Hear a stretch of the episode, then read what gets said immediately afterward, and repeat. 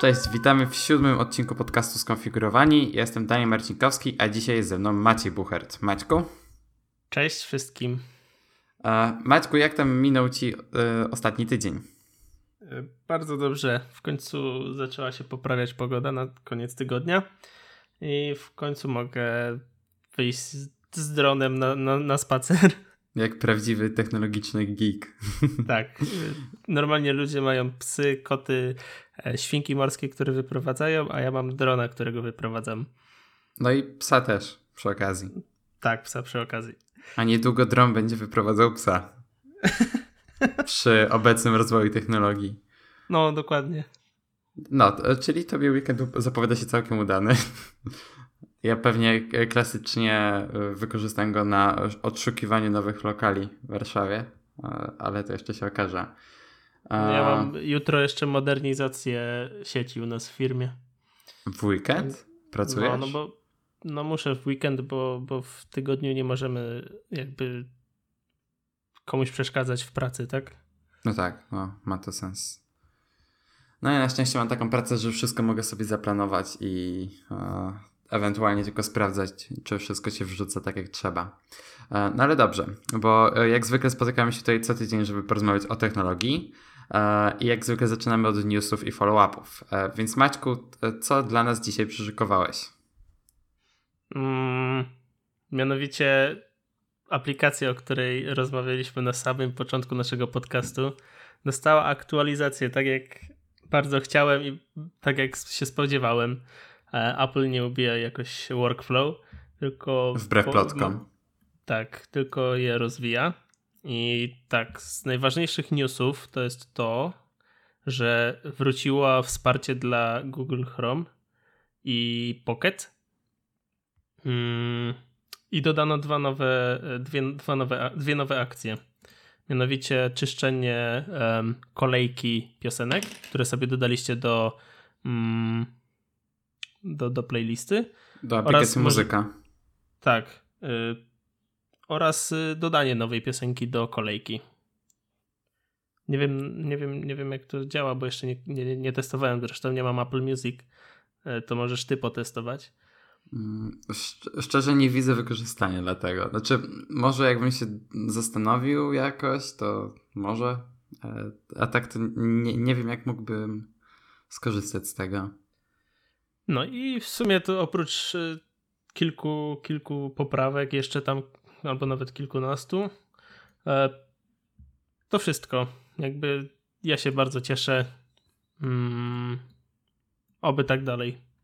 Ja się bardzo cieszę z nazwy tej aktualizacji, bo Workflow, podobnie jak Google, nazywa swoje aktualizacje nazwami deserów. I ta aktualizacja nazywa się Cookies and Cream Popcorn. Swego czasu Spotify też prowadziło takie właśnie zabawne e, update'y, nie? Typu e, ta aplikacja po aktualizacji będzie mogła komunikować się z twoim z twoją maszyną do, do napojów tak. czy coś w tym tak. stylu. Tak, robili to, to w App Store i w Google Playu. Tak, i według mnie to jest mega fajne, a nie takie czyste e, bugfixy.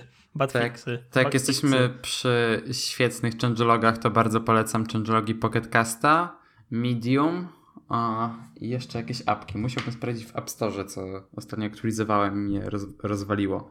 Ale Pocketcast i Medium to jest absolutne mistrzostwo, jeżeli o, chodzi o to, jak powinny wy, wyglądać changelogi. Naj, hmm. naj, najgorsze, najgorsze changelogi ma Facebook, e, który wkleja to samo do każdej swojej aplikacji, tylko zmienia jej tytuł tak. Albo, albo YouTube też ma y, gówniane aktualizacje. Mm, YouTube zaczyna się poprawiać. Na przykład teraz y, wypuścili update do wersji 12.17. Jest bug fixes, stability improvements, repairs to the space-time continuum, etc. Tak, no to to, to no, Więc zaczynają się poprawiać pod tym względem i e, fajnie wiedzieć, że niektórzy deweloperzy nadal fajnie wykorzystują tę przestrzeń. E, tak. Tak, do y, informowania swoich użytkowników o jakichś fajnych rzeczach. A, a, propos, y, a propos właśnie jeszcze mm, deweloperów, e, bo znając jeden kod, mm, załóżmy tam na przykład Pythona, e, chciałoby się, albo nawet jest potrzeba znać jakiś inny z różnych względów. E, z, najczęściej jest to z wymagań, jakie tam um, narzuca zleceniodawca, pisa, prosząc o aplikację jakąś tam, nie? I znalazłem taką stronę, e, się nazywa Duocoder, w której podajesz język, który znasz i podajesz język, którego chcesz jakby się nauczyć. I on ci przedstawia różnice między nimi e, na podstawie jakichś tam przykładów. Załóżmy, że jeśli masz um, w Pythonie zdefiniowanie jakiejś zmiennej, nie? że na przykład a równa się 1, to w języku C czy tam C musisz zdefiniować, czy te a jest na przykład stringiem, czy to jest yy, yy, czy to jest integer i tak dalej, i tak dalej. I mega fajna rzecz, bo często, wiesz, ja też na początku znając PHP, uczyłem się Pythona i jakby te języki są całkiem in, mają inne przeznaczenie, ale są bardzo podobne w strukturze. Zresztą sporo języków e, w budowie się nie, nie różnią zbyt E, zbyt e, dużo. Składnia się tylko różni. I to właśnie ta aplikacja pomaga jakby zrozumieć składnie konkretnego języka. I kontaktowałem się z autorem e, tego i ma w planie dodać kilka kolejnych języków. No, wygląda to bardzo fajnie i zakładam, że dla ludzi, którym, e, którzy kodują, to jest bardzo przydatne. No ja niestety nie rozumiem nic z tego. E, może kiedyś, jak zacznę sobie ko kodzić e, jakimś kup sobie, sposobem. Kup sobie Raspberry i poszukaj czegoś właśnie takiego, gdzie trzeba zakodować coś w Pythonie, bo jakby to się, to, to się mega przydaje później, jak, jak chce się coś samemu zrobić. Wiesz co, jak już to raczej bym się nauczył jakiegoś bardziej frontendowego, e, w sensie HTML-a, E, CSS-a i jakoś sobie na tym działał, bo mm, no nie potrzebuję działać w backendzie. Mhm. No wiesz co, ja tak właśnie jestem rozdarty, bo lubię i frontend, bo e, bardzo lubię ładne aplikacje i ja też staram się robić e, wszystko idealnie. Wszystko, żeby było na tip-top dokładnie zrobione, ale lubię też w backendzie posiedzieć, gdzie się tworzy silnik aplikacji Um, także no ja jestem, idę w dwóch kierunkach. Ja właśnie jestem typowo taki frontowy, w sensie bardzo się skupiam na tym, jak wyglądają aplikacje, jaki jest UX, e, a na to frontend developer też, wiesz, ma bardzo duży wpływ. Um, więc jakby to jest dla mnie bar bardziej istotne. A to, na czym to działa tam pod spodem, jakby to wiesz, nie obchodzi mnie to. Mhm. No jasne. Znaczy, trzeba pamiętać, że backend musi ściśle współpracować z frontendem, aby jakby backend nie, nie ograniczał frontendu, nie? No tak. No dobrze, to możemy przejść dalej, tym razem do moich tematów. I pierwszym jest kolejne urządzenie z serii e, Echo od Amazonu. I tym razem jest nim siedmiocalowy tablet, a tak właściwie taki bardziej monument z siedmiocalowym e, wyświetlaczem e, i 5 megapikselową kamerką do wideo rozmów. E, I nazywa się to Amazon Echo Show. I tak właściwie jest to to samo Echo, które mieliśmy wcześniej dostępne w postaci tego dużego cylindra, małego cylindra i potem jeszcze kamery. Ale tym razem właśnie e, Amazon e, skupił się na wideo rozmowach e, oraz na treściach wideo. Tam mamy dostęp do YouTube'a, możemy oglądać fragmenty telewizji, możemy oglądać całe programy telewizyjne. To jest raczej takie bardziej urządzenie kuchenne, więc raczej jak będziemy coś na, na nim oglądać, to właśnie siedząc w kuchni, a nie z myślą, że będziemy oglądali tam jakiś dwugodzinny film. Um, I to jest bardzo ciekawą funkcją właśnie, jeżeli chodzi o wideo rozmowy, które w przypadku tego Echo Show są jakby taką priorytetową funkcją. Uh, to jest drop-in i działa to w taki sposób, że możemy z zaufanymi kontaktami połączyć się bezpośrednio, to znaczy, że druga, osoba, druga strona nie będzie musiała potwierdzać tego połączenia e, i będziemy mieli, ta druga strona będzie miała tylko 10-sekundowy margines, e, żeby rozłączyć się, żeby przypadkiem kamera nie uchwyciła czegoś, e, czego nie chcielibyśmy pokazywać. Oczywiście mikrofon też będzie wyłączony i tak dalej. Jest to dosyć ciekawe urządzenie. Ja osobiście nie widzę zastosowania dla niego w moim życiu. Um, jedyne, co mi się bardzo podoba, to jest to, że wyświetla ono teksty piosenek, kiedy słuchamy, no ale e, działa to tylko z tym serwisem Amazonu. To, ta reklamówka tego Echo Show bardzo fajnie pokazuje wykorzystanie dla rodziców, e, gdzie możemy podglądać, co tam u naszego dziecka, no i właśnie te wideo rozmowy jako taką priorytetową funkcję.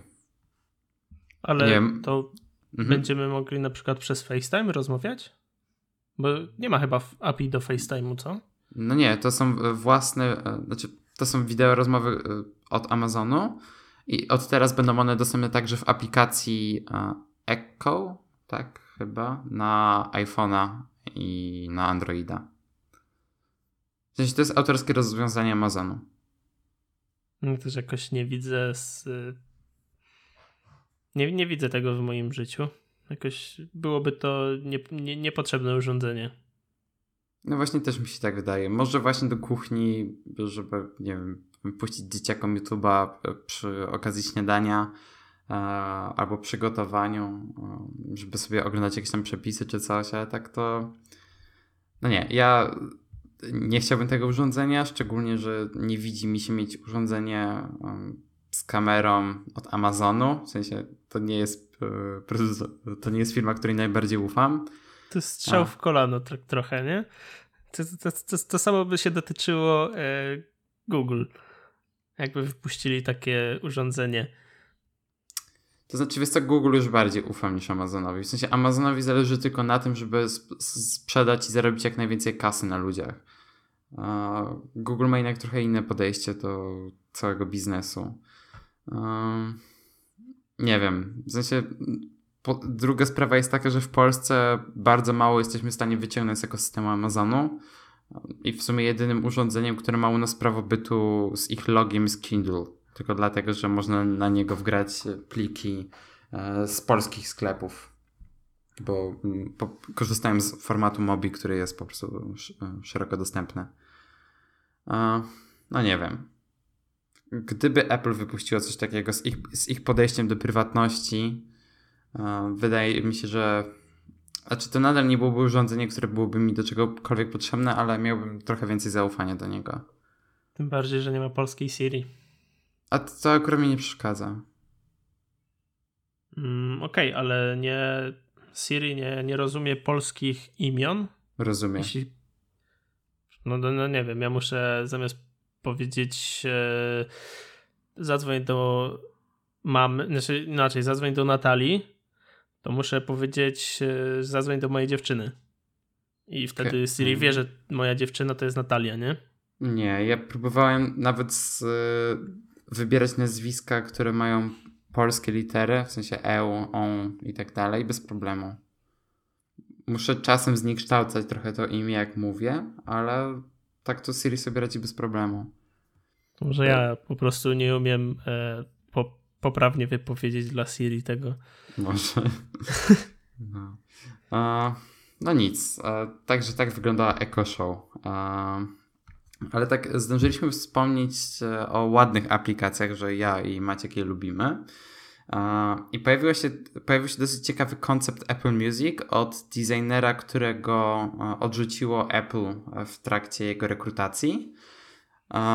I mam bardzo ciekawe podejście do tego, jak ta aplikacja powinna wyglądać i działać. To znaczy, e, bardzo chcę e, w swoim koncepcie, e, żeby Apple Music skupiało się na odkrywaniu muzyki i robi to za pomocą funkcji My Sampler, która jest takim Tinderem dla muzyki, jakkolwiek tego nie nazwać. To znaczy, um, pokazuje nam się lista wykonawców, które Apple Music uh, nam podrzuca i możemy przesłuchać kawałek. Jeżeli nam się spodoba uh, fragment uh, danego wykonawcy, no to wtedy możemy dodać do naszej biblioteki i posłuchać sobie trochę więcej utworów od tego artysty. Um, poza tym skupił się on na ogólnej prezentacji wizualnej Apple Music, e, poprawiając przede wszystkim branding okładek, które e, dla mnie po dwóch, trzech tygodniach korzystania z Apple Music są bardzo chaotyczne. To znaczy, każda seria playlist od Apple wygląda zupełnie inaczej, jeżeli chodzi o branding. I to jest rzeczywiście rzecz do poprawy. Tak samo ogólnie poprawił jakieś wielkości fontów, e, e, odległości między poszczególnymi elementami. Bardzo takich, e, bardzo dużo takich detali dostosował i dodał także w swojej koncepcie zakładkę wideo Mm, przede wszystkim dlatego, że niedługo na Apple Music będziemy mieli e, Carpool Karaoke, Planet of the Apps, e, dużo dokumentów e, dotyczących artystów muzycznych i tak dalej. I co z mojego punktu widzenia jest najlepsze, aż ciężko mi uwierzyć, że to jest najlepsza funkcja z tych wszystkich, które przedstawił, to jest to, że ujednolicił wyszukiwarkę Apple Music i biblioteki, które teraz e, są w osobnych zakładkach i wyszukiwanie czegokolwiek, czegokolwiek w aplikacji muzyka to jest tragedia. Maćku, a, nie no, tak, tak, tak, ja nadal jestem wyznania, że Spotify król i mm, ostatnio w ogóle Spotify dodało e, kody piosenek to jest tak, tak, tak, tak jak. Tak. Yy, Tweetowałem o tym nawet. No ja też. Ale jeśli ktoś nie wie, no to to jest na takiej samej, samej zasadzie, jak masz, y, macie snap kody na Snapchacie, które możecie sczytać, tak możecie też y, sczytać kod piosenki i, i w łatwy sposób je, ją wyświetlić sobie w aplikacji. To się nazywa BUR kod. Te no, kody na Snapchacie. A, to znaczy, wiedziałem dla mnie Snapchat, Snapchat, Jezu, e, Spotify też jest lepsze i coraz bardziej, jak korzystam z tego Apple Music, to coraz częściej też uruchamiam Spotify. E, na przykład z takiego powodu, że chcąc uruchomić e, soundtrack Guardians of the Galaxy na Apple Music przez Siri, E, dowiedziałem się, że nie jest on dostępny do streamingu. I próbowałem też przez wyszukiwarkę Apple Music i faktycznie nie można streamować tego albumu. Ale kiedy już wejdę do iTunes, mogę go normalnie kupić. Więc e, no, no niespecjalnie mi się to spodobało, szczególnie, że na Spotify soundtrack ten jest normalnie dostępny. E, no i koniec końców chyba właśnie też zostanę przez Spotify. Znaczy, no jeszcze sobie potestuję te Apple Music i spróbuję się, dać mu jakąś szansę, ale na razie wygląda to marnie. Y, ja dopiero, tak jak już mówiłem, nie, dopiero kupię y, subskrypcję w Apple Music, jak y, wejdą te programy telewizyjne. Nie wiem, czy tak, tak można w ogóle nazwać. No, TV Series, tak to się nazywa technicznie. No dokładnie. No. Um, Tydzień temu rozmawialiśmy o Microsoftie, tak? E, tak, tydzień tak. temu. E, I o ich nowym laptopie Microsoft Surface Laptop. E, I w tym tygodniu odbyła się kolejna konferencja Microsoftu, Microsoft Build, tym razem w siedzibie w Seattle, podczas której zaprezentowali oni kilka rzeczy związanych z samym softem. To jest Microsoft Build jest chyba takim odpowiednikiem WWDC od Apple. I co jest, e, i właśnie zapowiedziałem na nim kilka ciekawych funkcji. Z takich może mniej istotnych, ale bardzo intrygujących, e, na pewno warto wspomnieć o Timeline. Jest to swoisty odpowiednik Continuity z macOS, e, ale w przeciwieństwie do Continuity, handoffu i tak dalej, nie skupia on się tylko na aktualnie uruchomionej aplikacji na naszym innym urządzeniu, ale pozwala nam uruchomić wszystkie, e, wszystkie ostatnio używ... Znaczy tak, mamy, e, jak sama nazwa wskazuje, timeline z akcjami, które wykonywaliśmy w danych aplikacjach. I po wejściu do, tej, do menu multitaskingu na Windowsie mamy po prostu listę mm, wszystkich ostatnio otwartych plików w konkretnych programach. I wygląda to super i według mnie jest to dużo ciekawsza propozycja niż to, co oferuje Apple i Continuity. No bo y, sam handoff na Macu i na iPhone'ie, na Apple Watchu, iPadzie i tak dalej, no właśnie tak jak mówiłem, ogranicza się tylko do aktualnie uruchomionego programu. Ale co jest jeszcze ciekawsze, to jest to, że razem z kolejnymi wersjami Windowsa Microsoft chce dodać do systemu uniwersalny schowek, który będzie działał między, między platformami i będzie właśnie dostępny na Windowsie, Androidzie, a także na iOSie, co jest w ogóle jakimś e, kosmosem. Więc w porównaniu do tego, co podobnie oferuje macOS, e, to Windows naprawdę, naprawdę idzie do przodu. I trochę zdziwił mnie fakt, że dotychczas nie była możliwa obsługa interfejsu Windowsa Surface Pen i takie wsparcie właśnie teraz się pojawia. Ale to są takie mniejsze rzeczy. E, z naszego Apple'owego punktu widzenia bardzo ważne jest to, że w Windows Store pojawi się iTunes, więc e, wszystkie komputery z Windows 10 będzie można zamulić tym jak, jakże wspaniałym programem. E, no i taką perełką, taką wisienką na torcie jest coś, co się nazywa Fluent Design. I to jest nowe podejście do Microsoftu do projektowania interfejsu i będzie się ono skup będzie takim połączeniem tego, co chciało osiągnąć Apple kilka lat temu, to znaczy e, reprezentować e, fizyczne przedmioty na ekranie komputera e, oraz material design, czyli będzie masa cieni, masa kształtów 3D i wszystko to będzie wyglądało bardzo minimalistycznie, bardzo ładnie, bardzo spójnie. Jeżeli oglądaliście film Hair, nie wiem jaki jest jego polski tytuł, to w nim właśnie na komputerach występują bardzo podobne, jeżeli chodzi o wygląd interfejsy graficzne. Mnie jakoś tak nie podoba. Znaczy jest ładny ten e, Fluent Design, ale jestem Fluid. bardziej... A nie, Fluent, przepraszam, faktycznie. Fluent Design. E, ale jestem bardziej, bardziej mi się podobają flat designy. Flat to są takie no płaskie, nie? Czyli na przykład chmurka e, w pogodynce ma jeden kolor, a nie jest taką jakby rzeczywistym odzwierciedleniem chmury.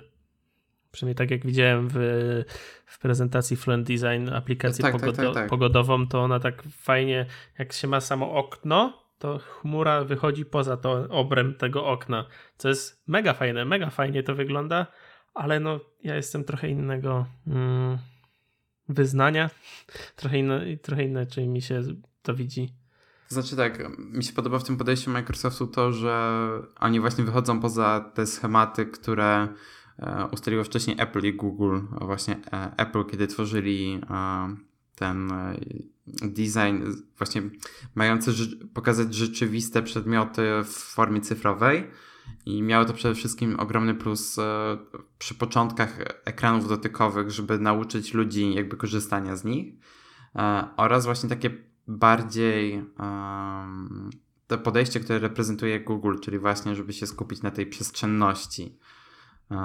No i Microsoft właśnie bardzo fajnie połączył te oba podejścia i no wyszedł naprawdę, naprawdę piękny design i ja chciał, chciałbym zobaczyć, jak to będzie e, wyglądało w rzeczywistości i jak się będzie na tym pracowało.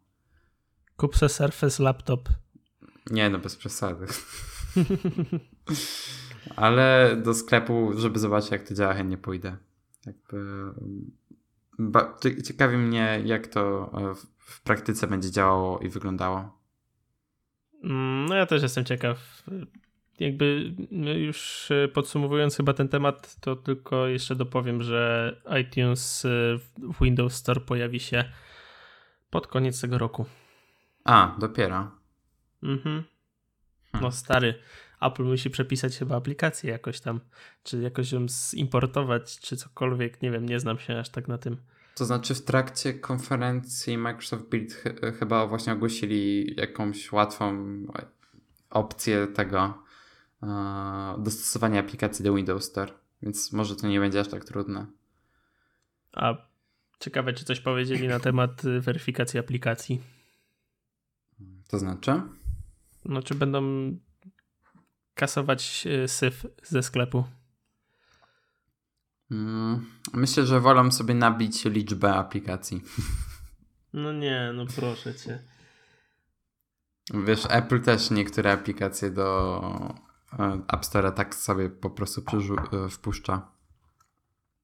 No, no, no, no okej, okay, ale jeśli y, Apple jakby nie zmusza cię do korzystania z App Store'a. A jeśli już to robi e, Microsoft w Windowsie No, 10S. No nie, poczekaj, na iOSie cię zmusza. Na jak inaczej Tak. pobierzesz programy? Tak, na iOSie tak, ale w, w, w, na Macu już nie. No tak, tylko macOS nie jest zamkniętą platformą jak Windows 10s. E, I, I jeszcze jedna rzecz. Na iOSie możesz zainstalować aplikacje spoza Apple Store. Są na tą opcję. Wydaje mi się, że ktoś to czym prędzej czy później zhakuje na tym Windows 10s. Nie, no, Jakby- no jasne, jasne. To, to jest Windows, tam da się dużo rzeczy obejść, więc nie wydaje mi się, żeby był problem z obejściem takiej błahostki. No, jak się da w iOSie, to przejść. Po prostu instalujesz jakiś tam certyfikat i, i, i tak jak jest to z, y, z betą systemu, po prostu instalujesz certyfikat y, beta testera i, i, wtedy się pobiera beta, wersja beta iOS-a. To tak się też robi z aplikacjami, że instalujesz jakiś tam certyfikat i certyfikat zaciąga aplikację. Mhm, Done. Tak. Um, no to chyba tyle właśnie, jeżeli chodzi, chodzi o te tematy newsowo-follow-upowe. Czy jeszcze chcesz coś dodać? Mm, nie, w sumie wszystko, co chciałem powiedzieć. Dobrze, to w takim razie możemy przejść do naszych głównych tematów. I pierwszym będą e, hasła, czyli w jaki sposób nimi zarządzamy i no, w jaki sposób jeszcze dodatkowo się zabezpieczamy. Maćku, chcesz zacząć, czy ja mam? Mogę zacząć, bo ja dosyć krótko powiem. E, próbowałem kilku menadżerów haseł, ale jakoś żaden mnie nie przekonał tak. tak A możesz e, 100%. wymienić z nazwy? E, One Password i kurde, je- jed, jeszcze jednej, ale totalnie nie pamiętam. I ona LastPass? bu- Nie. taka- Dashline? Też nie, raczej nie. Wiesz co to jest? ym, To jest, to jest y, generalnie ci, ci programiści bardzo e, encryptr. O, encryptr. Okej. I, i, I w ogóle y, ta firma też mm, napisała aplikację właśnie do rozmów e, mm, szyfrowanych. Ale to Spider Oak. Tak się Tak. nazywa to studio. Tak. I ten semafor to jest komunikator mm, do właśnie szyfrowanych wiadomości. Okej. Ale wracając do menadżerów. E, jakoś mnie to nie przekonało. Mm, może przez to, że musiałem przepisać wszystkie hasła. E, co jeszcze? E, jedynym, jedyne, co mnie jeszcze nie, nie, nie trzyma w, w menadżerze haseł, to to, że znając jedno hasło, można dostać się do wszystkich. Nie do końca. Ale No to zaraz powiem. No okej, ale z- ja przynajmniej dlatego też nie używam menadżera haseł.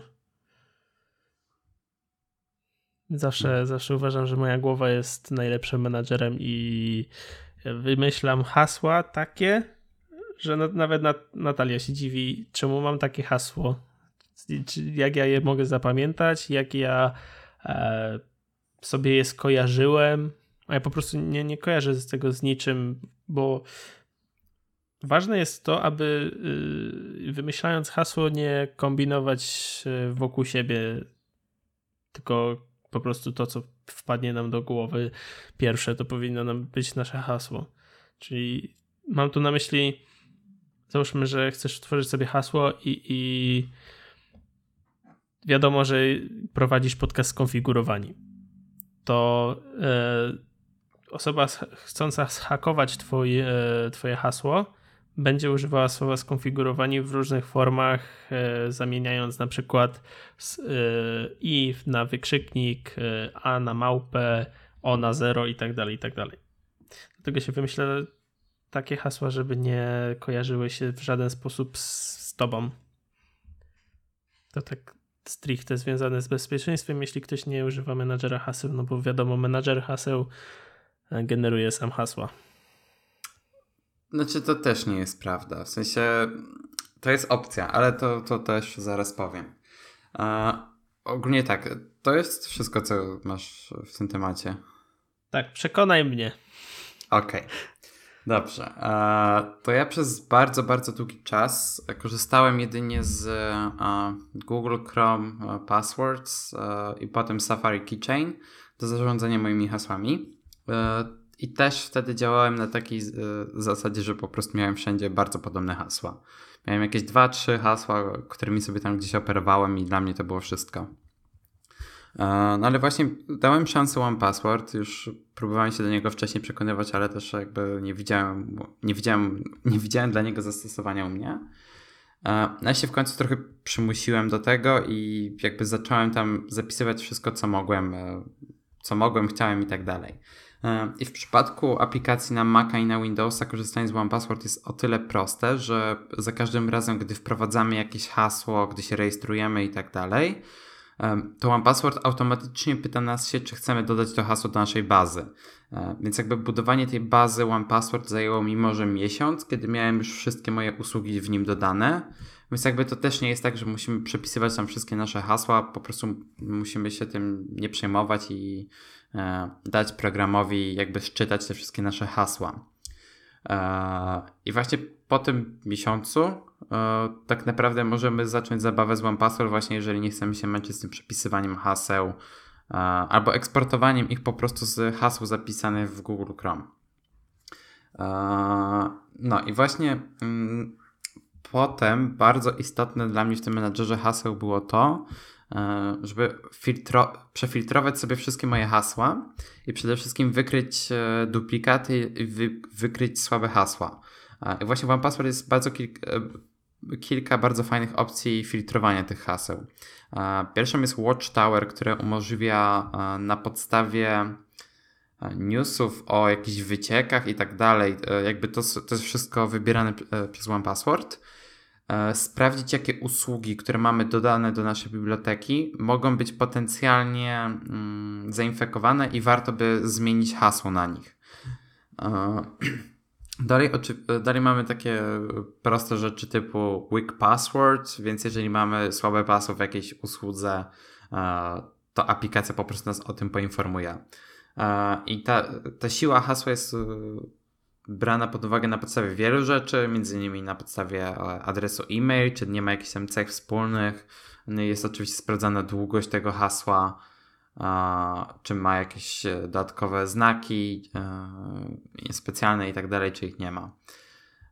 No i oczywiście są duplikaty paseł, e, haseł, gdzie mamy po prostu listę z pierwszymi trzema znakami danego hasła i pod tymi konkretnymi podkategoriami mamy wylistowane wszystkie serwisy, które używają tego samego hasła. I koniec końców u mnie się skończyło to tym, że e, znam dwa, trzy hasła do takich najważniejszych usług, e, które po prostu muszę znać na pamięć, między innymi do One Password oczywiście.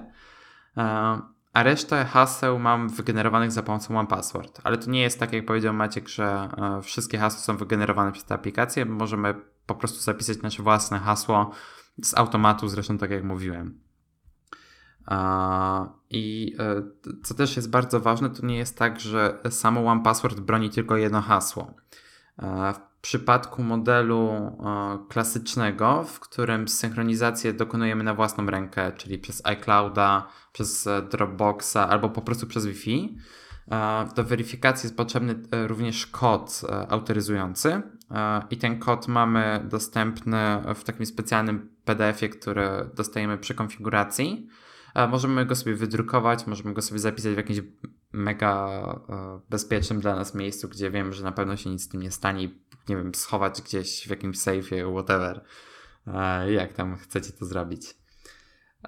Więc jakby pod względem bezpieczeństwa to jest naprawdę na bardzo wysokim poziomie i e, nie ma po prostu szansy, żeby was jakoś tam zhakować. Ale jest także model subskrypcyjny, z którego ja korzystam e, i działa on dla e, pojedynczych użytkowników, dla rodzin oraz dla zespołów. E, I tam dodatkowo, żeby wejść do konta, musimy znać adres do logowania, co brzmi głupio, ale już sama, samo ustawienie adresu jest dodatkowym, mm, dodatkowym aspektem, żeby wejść na to konto, więc jakby ciężko się też będzie włamać potencjalnemu użytkownikowi, potencjalnemu hakerowi. I co jest jeszcze z mojego punktu widzenia bardzo istotne w przypadku OnePassword, to jest to, że poza tym, że działa on świetnie na Macu, to działa również bardzo dobrze na iOSie. Przede wszystkim e, e, widać to po tym, że bardzo wiele aplikacji go wspiera, to znaczy e, na przykład w Spotify mamy ikonę OnePassword, po której wciśnięciu odpala nam się taki interfejs, w którym właśnie możemy sobie szybko wybrać hasło na, w OnePassword. No i tak samo normalnie działa to w Safari na iPhone'ie, gdzie po prostu po wybraniu Share Sheets e, klikamy One Password i tam możemy wybrać usługę, e, której nazwa jest zbliżona do adresu strony, na której się aktualnie znajdujemy. Um, tak, e, i co jest jeszcze z mojego punktu bardzo, z, z mojego punktu widzenia bardzo istotne, to to, że OnePassword ma również funkcje związane z hasłami jednorazowymi, czyli two-factor authentication, two-step verification itd., tak itd., tak e, gdzie do poszczególnych pozycji dodanych do e, naszego konta właśnie możemy sobie dodawać kody autoryzacyjne.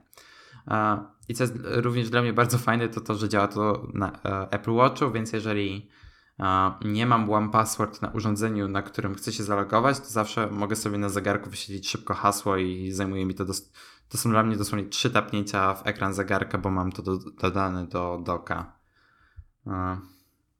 Czy coś pominąłem? A, tak. E, co jest jeszcze.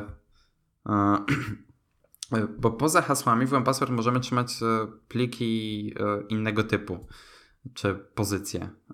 Oczywiście są jakieś notatki, możemy tutaj wrzucić po prostu pliki, dokumenty i sobie tutaj trzymać, ale możemy także zapisać tutaj dane karty kredytowej, które potem będziemy mogli bardzo łatwo udostępniać w sieci.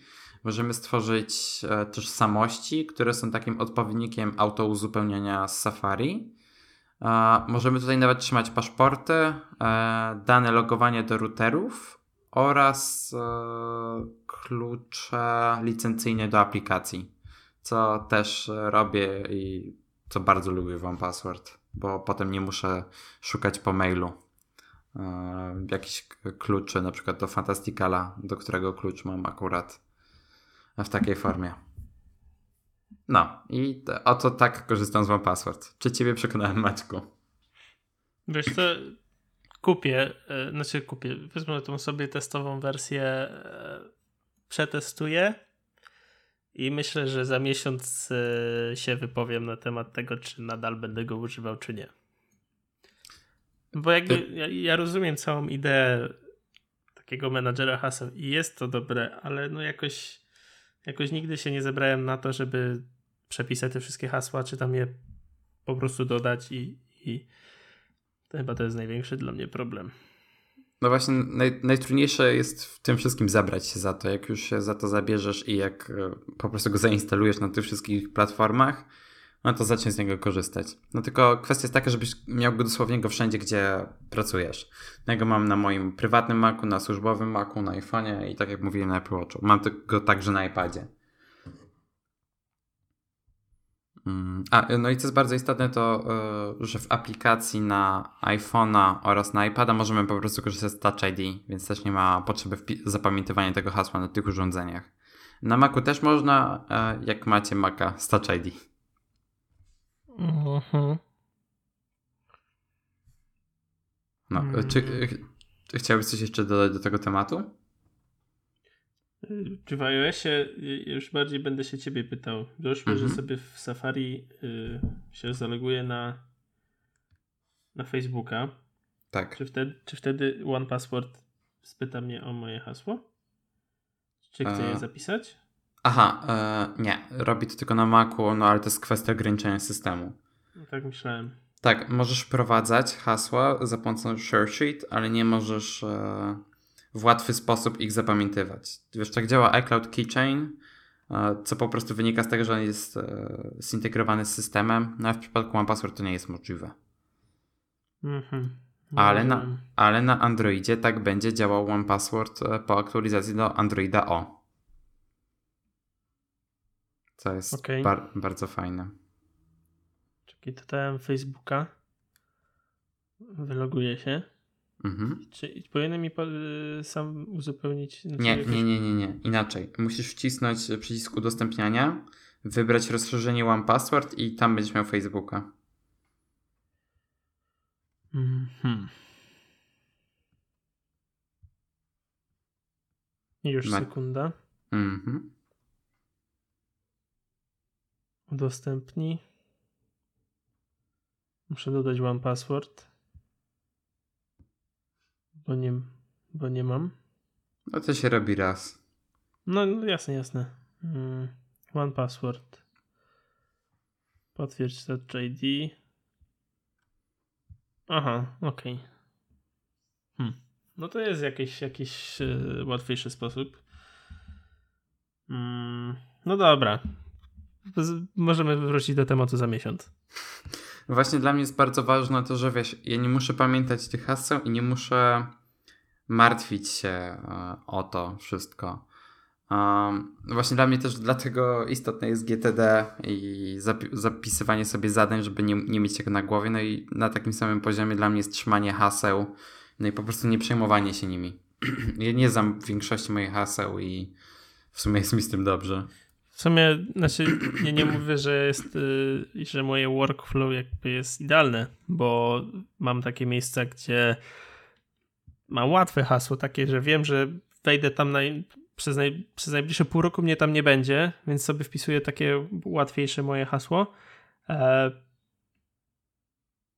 i, I stwierdzam, że w sumie tych miejsc jest kilka, więc może lepiej wtedy będę się tam, jak już się tam będę logował, no to po, zmienię te hasło. Mhm.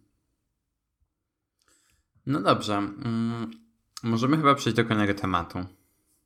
Dzisiaj jest bardzo bezpieczny temat. Tak. Ale w ogóle nasza, nasz, a propos, nasza strona ma nawet certyfikat SSL, także jest bezpieczna. Okej. Okay. Dobrze wiedzieć. Eee, właśnie. E, I kolejnym tematem będzie e, zachowanie prywatności w sieci, czy raczej problem z nią związany. To znaczy, e, czy warto wybrać komfort, czy bezpieczeństwo, szczególnie w obecnych czasach, kiedy, no, kiedy bardzo wielu usługodawców oferuje swoje produkty za darmo, w zamian za to, że my da dajemy im swoje dane i oni mogą potem to wykorzystać, na przykład, żeby wysłać nam reklamę. I Maćku, ciekawi mnie, co ty o tym wszystkim sądzisz i jak, jakie jest twoje podejście? I czy jakoś się bronisz i tak dalej? Hmm. Znaczy się tak, idąc od początku, e, jak już pewnie się dowiedziałeś z notatki, bardzo się rozwinąłem na ten no, temat. trochę i, tak. I to teraz to opowiem, bo człowiek w genach ma zapisane, że jest e, bardzo leniwy i lubi sobie ułatwiać te życie. I w związku z tym tam kilkadziesiąt lat temu zaczęły, powsta zaczęły powstawać pierwsze e, maszyny, roboty, które nam ułatwiały te życie, typu pralka, zmywarka i tak dalej. E, a we współczesnym świecie mm, technologia już się tak bardzo rozwinęła i człowiek idzie e, do przodu, że chce, aby jego telefon wszystko za niego pamiętał, co dla mnie nie jest takie do końca ok, bo jakby nie rozwijamy przez to naszej, naszego mózgu i no według mnie czas, czasem jednak lepiej coś trzymać w głowie niż w telefonie.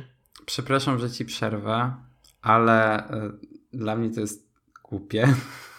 Znaczy nie, no to, nie, to jest w sensie... potwierdzone.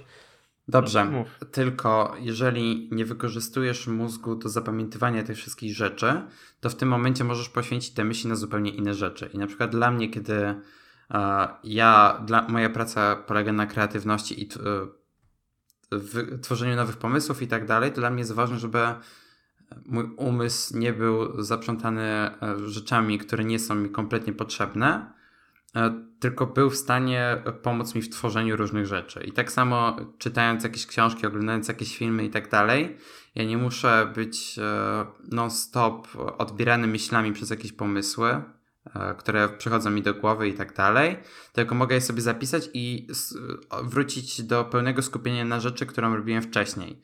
I to nie jest po to, żeby mm, zabrać swojemu mózgowi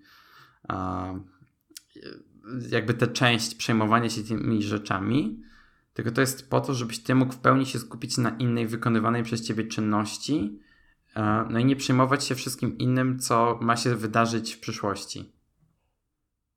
Mm, no okej. Okay. Mm, no Możesz jak... wrócić. Po prostu to zależy od podejścia od konkretnej osoby. Mm, dokładnie, dokładnie. Okej. Okay. Więc tak, jeśli jak już, tak, jak już mówiłem, telefon, e, chcemy, aby telefon w pewien sposób za nas e, myślał, to czytałem kiedyś, czy tam słyszałem, jak ktoś sobie wymyślił, że chciałby, aby e, jego telefon mm, poinformował go w momencie, kiedy jest obok jego ulubionego sklepu, aby poinformował go, że ma coś do kupienia, że ma jakąś notatkę z listą zakupów. Czyli tak, wchodzą tutaj dwa elementy. Telefon musi zapisywać wszystkie lokalizacje i wybierać tą, w której jesteś najczęściej. I to musi być sklep. Także musi być e, POI um, wpisane w mapach. Um, następnie musi mieć telefon wgląd w treść notatki, co już jest coraz bardziej nie tak. Um, I gdyby Apple, Google czy Samsung miało, do, znaczy Apple, ok, Apple pilnuje e, prywatności klientów swoich, tak Google czy Samsung mm, no nie pilnuje tego i, i na pewno wykorzystałoby te dane w innych celach mm, niż tylko jakby udostępnienie nam ciekawego softu. I tak y, kwestia tylko wyobraźni człowieka um, i, i Załóż, załóżmy, że sobie wymyślisz e, coś konkretnego innego, co byś chciał, żeby robił twój telefon, to i tak wszędzie znajdzie się miejsce, gdzie muszą te twoje dane e, być analizowane i to najczęściej e, nie będzie analizował twój telefon lokalnie, tylko to będzie analizował jakiś serwer i wtedy te dane nie są jakby dla nas bezpieczne. No dobrze, ale w przypadku tego case'u z tym przypomnieniem o liście zakupów, no to możesz to zrobić już teraz, obecnie i możesz to zrobić w, zarówno w przypomnieniach od Apple, możesz to zrobić w Todoistie, w OmniFocusie, w Google Keep i tak dalej, i tak dalej. Po prostu tworząc listę zakupów i wybierając lokalizację. I to też nie jest jakieś mega trudne i tak samo już teraz, nie wiem czy wiecie, e, drodzy słuchacze, ale wchodząc w zakładkę prywatność, lokalizacja i zjeżdżając na sam dół System Services, a nie, czekaj, nie tutaj. Um, gdzieś to było. Location Services. Masz wyszukiwarkę. Tak, tylko wiesz co, nie jestem pewien, czy wyszukiwarka była w stanie to znaleźć, ale ogólnie to, o co mi chodzi, to jest to, że w pewnym miejscu w ustawieniach iPhone'a macie coś, co się nazywa Frequent Locations albo recent locations. zaraz zobaczę w wyszukiwarce. No, czy, czy, chodzi ci o kasowanie danych lokalizacji? Nie. nie. Mm. Ogólnie e, działa to na takiej zasadzie, że iPhone non-stop e, tworzy częste lokalizacje, w których przebywacie. A, oczywiście to wszystko dzieje się lokalnie, w sensie w zależności od urządzenia. To nie jest tak, że te wszystkie miejsca, które odwiedziliście, są wysłane na jakiś serwer Apple, e, ale jakby to wszystko cały czas tam jest przetwarzane. I to jest właśnie potem wykorzystywane w przypadku aplikacji przypomnienia, w przypadku nie wiem, pogody, map i tak dalej, żeby właśnie dostosować e, jakieś tam wasze miejsca. No i właśnie te przypomnienia dotyczące konkretnej lokalizacji jesteście bez problemu w stanie ustalić sobie. No i nie wiem, no ta informacja o waszej lokalizacji jest cały czas po prostu gdzieś tam wysyłana w, w chmurę. Można oczywiście to blokować, ale wtedy tracicie dostęp do wielu, wielu funkcji, nawet pogody, więc e, no to jest taka rzecz właśnie z granicy komfortu, bezpieczeństwa, którą ja bym tutaj nie panikował po prostu. Um, znaczy, Znalazłem to. Przepraszam, że ci przerwałem, tak? ale znalazłem to. W którym to jest miejscu? prywatność, usługi lokalizacji, e, następnie na sam dół usługi systemowe, później też gdzieś tam w pośrodku często odwiedzane. Tak, frequent locations jest. No, e, no i właśnie tutaj macie e, wszystkie odwiedzone przez Was lokalizacje. Ale z tego co widzę, to się usuwa. Tak, usuwa się, bo ja kurde mam 5 pozycji. Ja mam o, w sumie 12. Więc to też nie jest taka tragedia, jeżeli o to chodzi. E, ale tak, ale po drugiej stronie e, właśnie poza Apple mamy na przykład Google, e, które te dane wykorzystuje w trochę inny sposób. To znaczy na Androidzie, na iOSie i tak dalej. Znaczy na Androidzie i na iOSie mamy Google Now, czyli taką funkcję, która zbiera wszystkie dane nas dotyczące, w tym nasze maile, naszą lokalizację, korzystane przez nas usługi Google i tak dalej, używane przez nas usługi Google. E, I na tej podstawie dostarcza nam karty z informacjami dotyczącymi różnych wydarzeń, na przykład e, informacje dotyczące naszego bookingu w Airbnb, e, naszych lotów, tego, gdzie zaparkowaliśmy samochód. No jest tego całkiem sporo. I to wszystko synchronizuje się między naszymi urządzeniami, bo wszystko to działa w chmurze.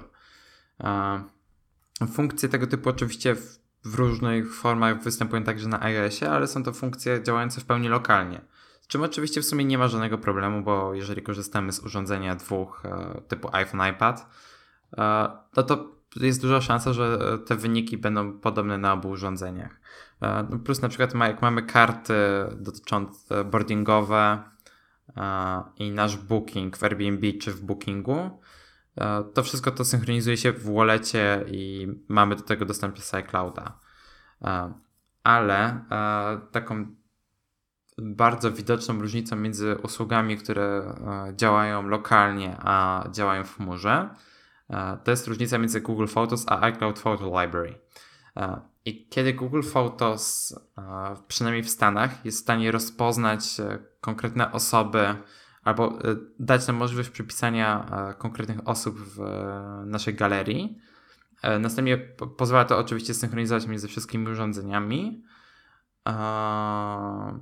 to e, iCloud Photo Library, e, które mamy na urządzeniach z iOS-em, macOS-em, nie synchronizuje się między e, naszymi urządzeniami.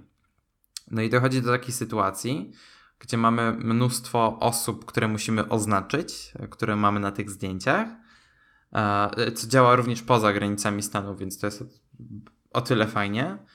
To niestety wszystkie te oznaczenia się nie synchronizują. Chociaż w pewnym stopniu jest to dobre obejście ograniczeń prawnych, które są w Unii Europe w Europejskiej. Ale co jednak z mojego punktu bardziej e, z mojego punktu widzenia bardziej irytujące, to jest to, że wspomnienia, które tworzy Apple, czyli takie krótkie wideo z zdjęciami z określonego e, jakiegoś tam zakresu dat, e, nie synchronizują się właśnie między platformami. A tego typu e, wspomnienia, które Google Photos robi, już się synchronizują. Jakby to wszystko odbywa się w chmurze, nie lokalnie na konkretnym urządzeniu. No jak chcę obejrzeć sobie filmik, który stworzył mu iPhone na Macu, no to nie obejrzę, bo na Macu mam zupełnie inny filmik z zupełnie innego zakresu dat. No i niestety to jest e, dosyć irytująca rzecz. Już nawet nie wspominając o zastosowaniu chmury do machine learningu. No, to jest niemożliwe na iPhone'ach i na, Mac, na Macu, no bo z naszej małej galerii, w której jest powiedzmy kilka tysięcy zdjęć, e, komputer po prostu nie jest w stanie nauczyć się rozpoznawania jakichś przedmiotów, rzeczy, obiektów, jak ma to miejsce w Google Photos. Mm, odnośnie jeszcze mm, Google to od jakiegoś czasu w Google Mapsach, jak szukamy jakiegoś miejsca, to wyświetla nam się mniej więcej, jakie, jakie jest yy, zatłoczenie. zatłoczenie tego miejsca. Co jakby jest mega fajną funkcją i wiele razy z niej korzystałem i decydowałem się, gdzie iść. Mm, co jakby znaczy nie, nie wiem, jak to do końca działa. Czy to naprawdę e, na bieżąco zaciąga lokalizację mm, z urządzeń, Mhm. Czy, czy on to jakoś szacuje według statystyk, jakie mm, uzyskało z jakichś tam innych źródeł niż lokalizacja? E, ale jeśli korzysta z lokalizacji bieżącej, no to nie wiem, czy komuś, kto tam jest w tym miejscu, aktualnie się to podoba. To korzysta z lokalizacji użytkowników i tak samo robi to aplikacja Facebooka, która ma podobną funkcję. No to znaczy, że jeżeli jesteśmy w danej lokalizacji, e, co szczególnie się tyczy użytkowników Androida, którzy nawet nie muszą włączać aplikacji Google Maps, jakby Google wie, gdzie jesteście i na tej podstawie, oczywiście w anonimowy sposób, jakby nikt nie będzie w stanie dotrzeć do tego, e, do tego kim jest poszczególny użytkownik, e, tworzy właśnie taką hitmapę, która na, następnie jest nakładana na konkretne punkty w mieście, E, i konkretne lokale i na podstawie tego jest tworzona mapa live e, z otoczenia. Dokładnie. Jakby mi sama idea chmury, big data i tak dalej bardzo się podoba w takim sensie, że do momentu, kiedy to wszystko jest anonimowe, do momentu, kiedy już na pierwszych etapach jakby szyfrowania i tworzenia takiego szumu o, informacyjnego nie jesteśmy w stanie określić, kim jest dany użytkownik, to wszystko jest ok. Ale jeżeli się znajdzie jakiś sposób na jednak wytropienie tej konkretnej osoby, to robi się bardzo źle, bardzo nieprzyjemnie. I dla mnie e, postawa, którą reprezentuje Apple, czyli właśnie nakładanie jak największego szumu informacyjnego, żeby nie, nie być w stanie dojść do tego, e, jak, kim jest konkretny użytkownik, jest świetnym podejściem i bardzo mi się podoba w tej filmie i między innymi dlatego był to jeden z głównych powodów, dla którego przesiadłem się na urządzenia Apple. I też e, zrezygnowałem z bardzo wielu usług Google. E, no właśnie nie korzystam z Google Photos, tylko z iCloud Photo Library. Jedyną aplikację, znaczy mam kilka aplikacji Google na telefonie i właśnie jedną z nich jest Google Maps. E, chociaż gdybym gdybyśmy, gdybym mieszkał poza granicami Polski, w jakimś kraju, gdzie Apple Maps działa lepiej, to na pewno bym to zrobił. Zresztą jak teraz byłem w UK, to byłem mega pod wrażeniem tego, jak tam Apple Maps działają. E, no i mam jeszcze YouTube'a, ale to jakby ciężko jest się tego pozbyć. E, no i mam Duo, które, z którego muszę korzystać e, ze względu na moją rodzinę. Ale poza tymi usługami nie mam ani aplikacji Google, w sensie tej Google Google. Nie mam też Google Drive'a. Jakby wszystko to zastąpiły u mnie usługi Apple i innych e, producentów. Ja mam dwie aplikacje Google'a. Google Mapsy e, i Google Trips. Aplikacja do planowania podróży. E, wybierasz sobie na przykład, że jedziesz w te miejsce, w te miejsce, w te miejsce w konkretnym czasie i on ci podpowiada, gdzie warto um, w danym mieście czy w okolicy pójść i zwiedzić. Tak, i to, też, też i tam wyświetlają e, restauracje, wyświetlają też tam e, jakby punkty turystyczne. Mega fajna aplikacja. Tak, i dodatkowo może z Gmaila zaciągnąć e, rezerwacje hoteli, lotów i tak dalej. Jakby to, to jest takie, to działa podobnie jak Google Now właśnie w podróży. Odnośnie a... jeszcze y, bezpieczeństwa takiego stricte... A, a, a, czekaj, a nie masz YouTube na telefonie? Nie, mam, mam. No YouTube jakby nie wymieniłem, bo to jest y, must have. No tak. Przynajmniej dla mnie. Um, odnośnie jeszcze bezpieczeństwa takiego stricte, um, to ja mogę jedynie co powiedzieć, to zainstalujcie sobie aplikację jakiegokolwiek y, firmy, która udostępnia VPN na przykład Tunnelbeer i korzystajcie z nich tylko w miejscach publicznych, bo mm, typowe takie sieci publiczne jak mm, w restauracjach czy w galerii są bardzo słabo zabezpieczone i bardzo łatwy sposób można się dostać do waszych telefonów, zwłaszcza jeśli macie telefony z Androida czy tam z Windows Phone'em. No z Windows Phone'em może trochę ciężej ale niż... nadal łatwiej niż y, z Apple. No tak, tak, to zdecydowanie. No i tam A... aplikację Tunnelbeer po prostu uruchamiacie, łączycie się mm, do VPN-a, wybieracie sobie kraj z kilkudziesięciu e, albo nawet jest po kilka VPN-ów w jednym kraju i, i macie bezpieczeństwo, macie pewność, że żadne dane jakby nie są nigdzie wykradane w, e, w obrębie tej sieci e, publicznej. To ja polecam rozwiązanie, które nie wymaga korzystania z VPN-a, e, czyli własny pakiet internetowy. po prostu. Mm, no, no, no jasne, to, to, to też jest rozwiązanie. Ja bardziej. I to jest to, to rozwiązanie dosyć tanie i bardzo wygodne, no bo z tego internetu możemy korzystać e, cały czas. E, ja na przykład mam mm, Orange Free na kartę. E, za 30 zł miesięcznie mam chyba 30 giga internetu obecnie. Mhm. Oczywi oczywiście tego nie wykorzystuję w pełni. Wykorzystuję może jakieś 10 giga, tak maksymalnie, ale czuję się komfortowo z tym, że nie muszę się przejmować e, internetem. Jakby z każdego miesiąca mi się też powiększa liczba gigabajtów, które dostaję na konto. Ja mam w plusie 5 giga internetu. Co mi też głównie wystarcza w miesiącu. Ale i tak, i tak zmieniam w październiku. Hmm. No, by, mi 5 giga by wystarczyło, gdybym nie streamował podcastów i uh, Apple Music albo Spotify. No i YouTube'a. Mhm. No. Uh, także Maćku, czy chciałbyś jeszcze coś dodać do tego tematu? Bo to jest dosyć istotny temat, ważny w tych, w tych czasach. Tak, dokładnie. Co ważne jeszcze. mm,